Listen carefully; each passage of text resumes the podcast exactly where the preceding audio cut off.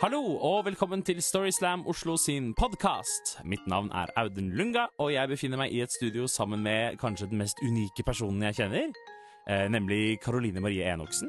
Ja. Det er ingen som skiller seg ut så mye som du gjør. Nei. Nei, på godt og vondt.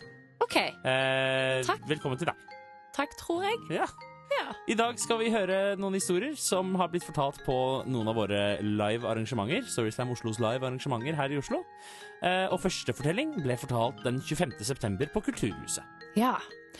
Eh, og første forteller det var ei som heter Hanna Monsrud Sandvik. Og hun ga oss fortellingen om sin reise etter meningen med livet.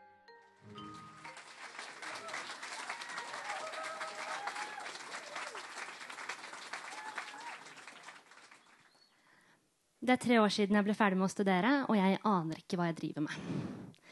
Det er ikke sånn at jeg ikke har gjort noe de siste årene. Ganske raskt etter at jeg ble ferdigutdannet, eh, fikk jeg jobb som studieveileder, og jeg er takknemlig. For jeg har stabil inntekt, trening i arbeidstiden, lunsjordning og gode avspaseringsmuligheter inntil jeg finner ut hva jeg egentlig skal gjøre med livet mitt. Men min, løsning, min midlertidige løsning virker plutselig ganske permanent når jeg to og et halvt år senere innser at jeg bruker det jeg antar er de siste av de beste årene av mitt liv på å veilede unge og lovende studenter, mens jeg selv føler at jeg står på stedet hvil. Livet mitt har vært preget av en utferdstrang og en grunnleggende tro på at hvis du ikke finner det du leter etter der du er, da må du tørre å flytte på deg. Dette er premisset for en rekke filmer.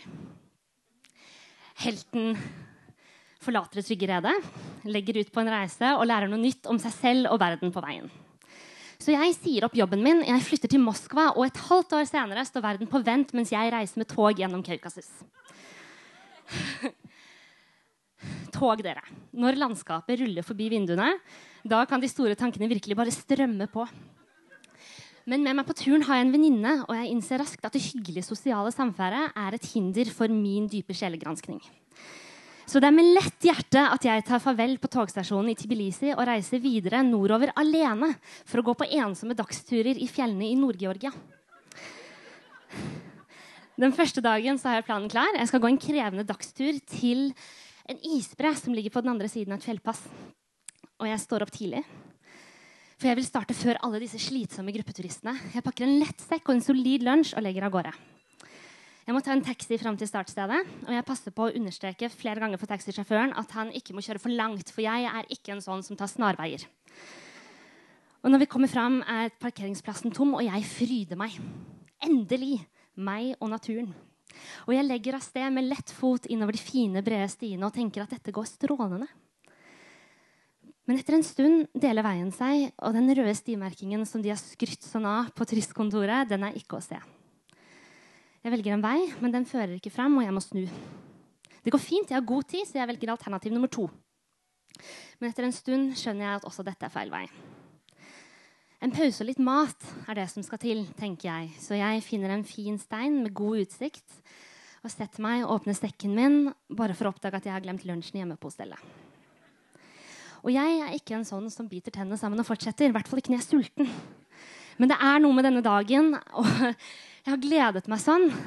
Og dessuten har jeg hørt at man kan overleve to-tre uker uten mat. Og hvem trenger mat uansett når man skal tenke de store tankene? Jeg har hørt om kunstnere som glemte å spise fordi de tenkte så dypt. Det er en vei jeg ikke har testet ut enda, og den går oppover. Det er en mer krevende sti, men det er røde merker der, og jeg er motivert. Bare det at etter en stund så begynner det å bli lenge siden sist jeg så et sånt rundt merke.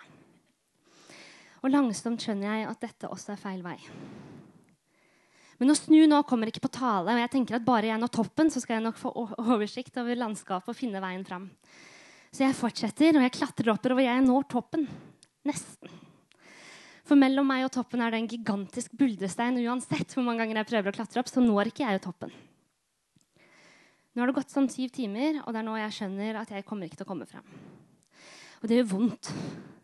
Og jeg ser utover landskapet, og jeg tar utsikten innover meg, og jeg tenker Er dette nok? Og selvfølgelig er det ikke det. Det er noen som sier, sier at veien er målet, men de tar feil. Og når jeg ser nedover, så skjønner jeg at veien tilbake kommer til å bli minst like krevende. Og jeg karrer meg nedover, jeg skraper på steiner, og alvoret om at jeg er alene, begynner å gå opp for meg. På et tidspunkt så setter jeg fast foten mellom to steiner. Og jeg tenker at jeg burde tatt med en kniv eller et eller annet skarpt, for jeg har sett 127 Hours. Og heldigvis kom jeg meg løs, og jeg fortsetter.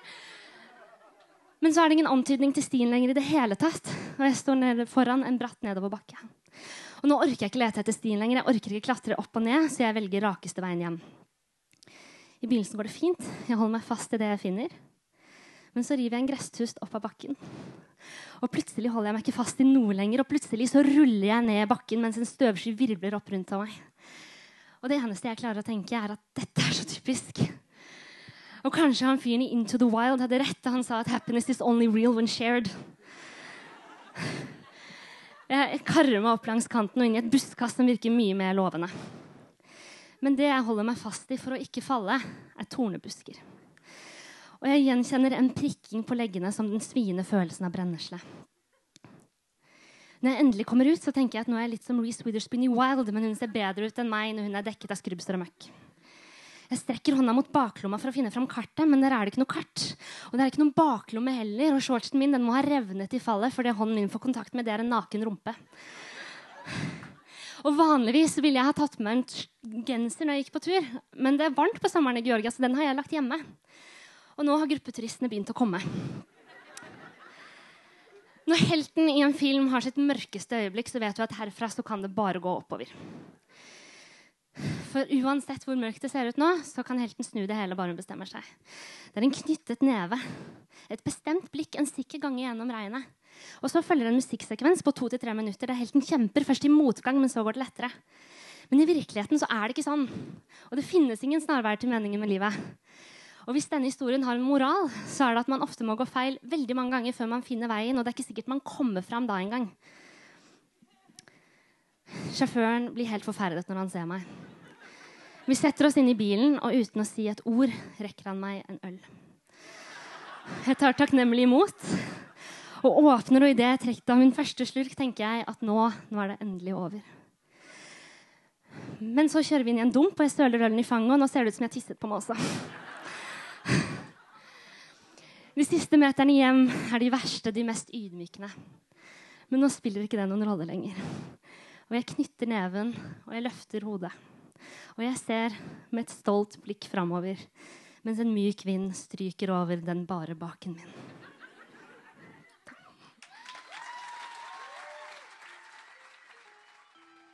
Tusen takk til Hanna. Det var veldig inspirerende.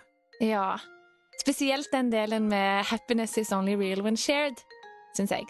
Det tenker jeg ofte på når jeg er sammen med deg, Audun. Ja, jeg vet det.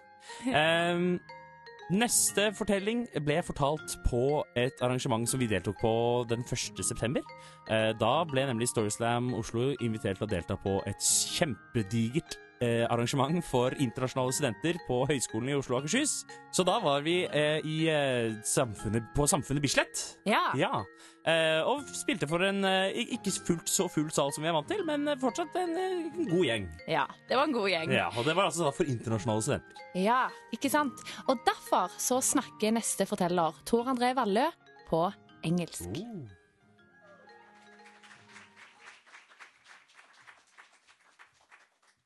When I was 12 years old, my atheist parents sent me to a Christian summer camp. That was great. They threw me into their car and drove me away to a place called Strand Leirsted, or beach camp, if you will. And then they drove away. But this camp looked like a damned paradise. Imagine, if you will, a vast open green field with small red huts dotted in front of a sandy beach and a clear blue sea. The first thing I thought when I saw this was, wow, am I really going to live here? Am I really going to be living in one of those huts and wake up every single morning to the sound of the soothing sea washing onto the beach? No. I was going to live in a, another hut, uh, a hut placed on the other side of the vast open field, a hut placed by the parking lot and the compost pile. I was gonna live there with the other guests of the Christian summer camp. You know, the other heathens and atheist offspring. I was gonna live there for two whole weeks. When we had unpacked our luggage, we were all invited out to the open field where there was going to be an opening ceremony and an opening meal. And in an attempt to, to integrate us, the uh, heathens and atheist offsprings, with the Christian campers, we were going to share table with uh, a group from one of the other huts. You know, the good huts. And it was on the other side of the table that I first saw her. She had blonde, beautiful hair decora- decorated with colorful beads and a sun kissed skin and a big bright smile. And before I even knew it, I had said hi to her. And she, she smiled even bigger back and said hi to me. And then food was placed on the table. But nobody started helping themselves, nobody started to eat. Instead, they folded their hands. And then they started to pray. She prayed. So I, I began folding my hands myself, but I could feel that beside me, one of my uh, fellow uh, atheist offsprings started to laugh. So then I started to laugh a little, and then he started laughing more, and I started laughing more. Not to be mean, but because everything was just so foreign and so weird. But she didn't smile anymore when she saw me after that. Instead, when she, when she saw me, she saw an, uh, a destroyer. uh, somebody who uh, only was there to mock everything that she held dear. But I, I didn't really mean that, and I, I couldn't accept that because I loved her, and I had to make her understand that she loved me too. Out on the sea, there was a small rocky island. And a few days later, one of the camp leaders announced that there was going to be a competition held where everybody was going, going to compete of being the fastest swimmer out to that island. And it was as if a God I did not believe in had heard my prayer, because I was, believe it or not, an amazing swimmer. The same can't really be said today, but when I was 12 years old, I was, I was fast, I was uh, little, and I had an amazing stamina. So I was pretty sure this was going to go great. I was going to win the whole thing, and she was finally going to see the real me. So we were all lined up on the beach, and we were going to swim in groups. My group was among the last groups. So then I have the time to check out the other swimmers and see how they did. And it became quite early obvious that this was going to be no problem at all and I saw her group swim, and I saw her gliding like an angel over the calm sea and rise up onto the island. And it was at that point that I became obsessed. I had to get out to that island fast as hell. And the camp leader said, Go. And I sprinted as fast as I could in my baggy ba- bathing shorts. I dove into the sea and crawled like I've never crawled before. And in my peripheral view, I can see that I was way ahead of the other guys. And on the island, I could hear them cheering, cheering me on. And I imagined that I could hear her cheering me on. It was as if she was sending me warm Christian energy that filled my body, especially that part of my body that 12 year old me had recently got it extra well acquainted with. It got really warm down there, in fact. In fact, it got uncomfortably warm down there.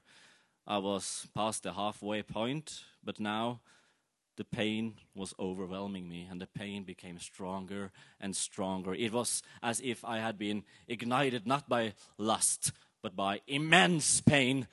So I stopped swimming and I started screaming for help instead. One of the camp leaders on the island heard my call for help and he sprang into action. He ran down into the sea and dragged me out onto the island where I was laid down on the ground. And there I lay, screaming for help, saying that, saying that there was something down there that was hurting me. And again, the camp leader sprang into action and ripped my bathing shorts right off. And then it became really, really quiet. I lifted my head up, looked down my pale little body, but I could not longer see that particular part of my body that 12 year old me had recently become extra well acquainted with. Instead, I saw a fiery red jellyfish. Well planted on and around. Get it off!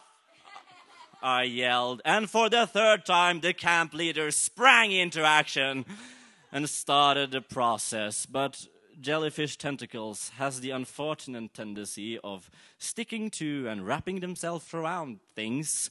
So there was a lot of meticulous lifting and untwirling on his behalf before I was finally freed.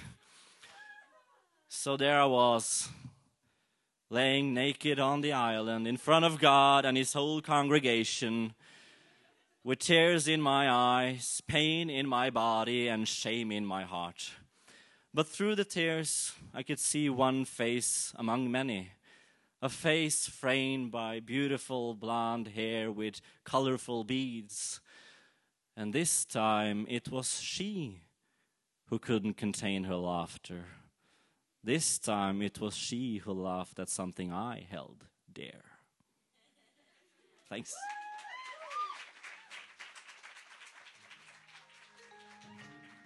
Tusen takk til Tor André. Vi kan vel kanskje alle kjenne oss litt igjen i det å ha ønsket å imponere noen, og så går det skikkelig dårlig. Absolutt. Og jeg vil jo si også at hans at Det minner også litt om mine tidligste seksuelle erfaringer også. Det var noe litt sånn maritimt over dem. Okay. Eh, ja. Mm. Ja. Jeg tror vi kan sette strek der, jeg. Ja. ja. Men neste Storyslam, Audun, Mm. det er noe ganske spesielt. Å ja. Ja, Det er den 27. november. det er det. Hvor er det denne gangen, Karoline? Vet du hva? Det er i selveste storstua på Rockefeller. Wow! Ja da. Har vi vært der før? Det, vi har vært der før. Fylte vi salen da? Ja, det gjorde vi. Var det en kjempefest? Det var en kjempefest. Å, det blir det denne gangen også, ikke Ja. sant? Yes, jeg gleder meg masse. Altså, vi har satsa alt på den kvelden her. Absolutt. Det, Ja. Vi har invitert masse kjente folk fra fjes til å komme og vise seg. Vi håper de kommer. Ja. Kongefamilien, blant annet. Ja, absolutt. De er på gjestelista. Ja, vi har leid inn flammekastere. Yes, og ja. Akrobater fra Cirque du Soleil. ja, de er invitert til Ja. å servere drinker i baren. Ikke sant? Så dette blir stort. Eh, absolutt. Eh, eventen er lagt ut på Facebook. Ja. Billetter er lagt ut for salg. Så det er bare å finne Storyslam Oslo og finne oss på Facebook og kjøpe i vei, holdt jeg på å si. Ja.